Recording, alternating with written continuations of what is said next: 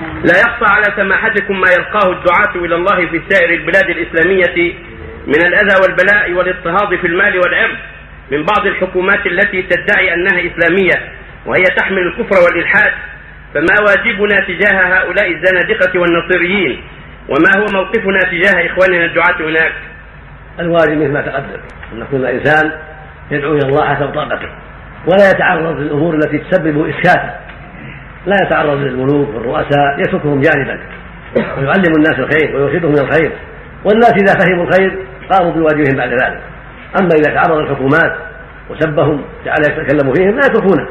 فعليه أن يعرض عن هذه الأشياء التي تتعلق بالرؤساء وأعمالهم ولكن يدعو إلى الله يأمر بالخير وينهى عن الشر يوصي بتوحيد الله والإخلاص له وترك التعلق بالأموات والاستغاثة بالأموات والطواف بقبورهم يوصي بالصلاة والاستقامة عليها وأدائها المساجد.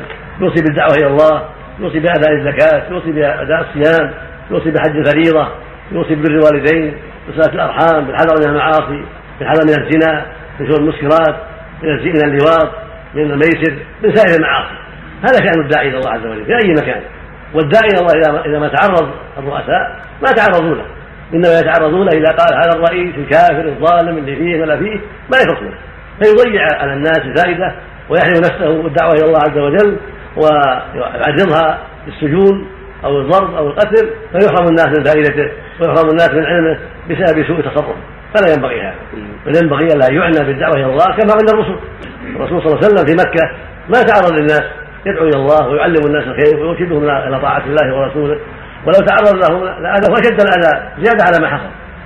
فالحال اليوم بالنسبة إلى غالب الدنيا تشبه حال الرسول مع أهل مكة. قبل الهجرة نعم.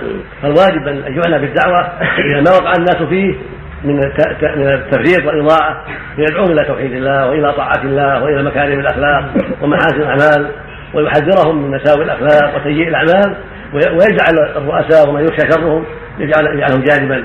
لا يتكلم فيهم لا بخير ولا بشر. بل يعرض عنهم. إلا إذا كان خير رأى من الرؤساء خيرا فيشكرهم عليه. يقول سمعنا أن الرئيس الفلاني فعل كذا وكذا وهذا طيب. جزاه الله خيرا هداه الله ووفقه الله فلا بأس. أما يتعرض لهم أنه فعلوا وأنه فعلوا وأنه ظلموا الناس وأنهم وأنهم هذا معناه يعطلهم من الدعوة وبعده السجن والأذى والقتل.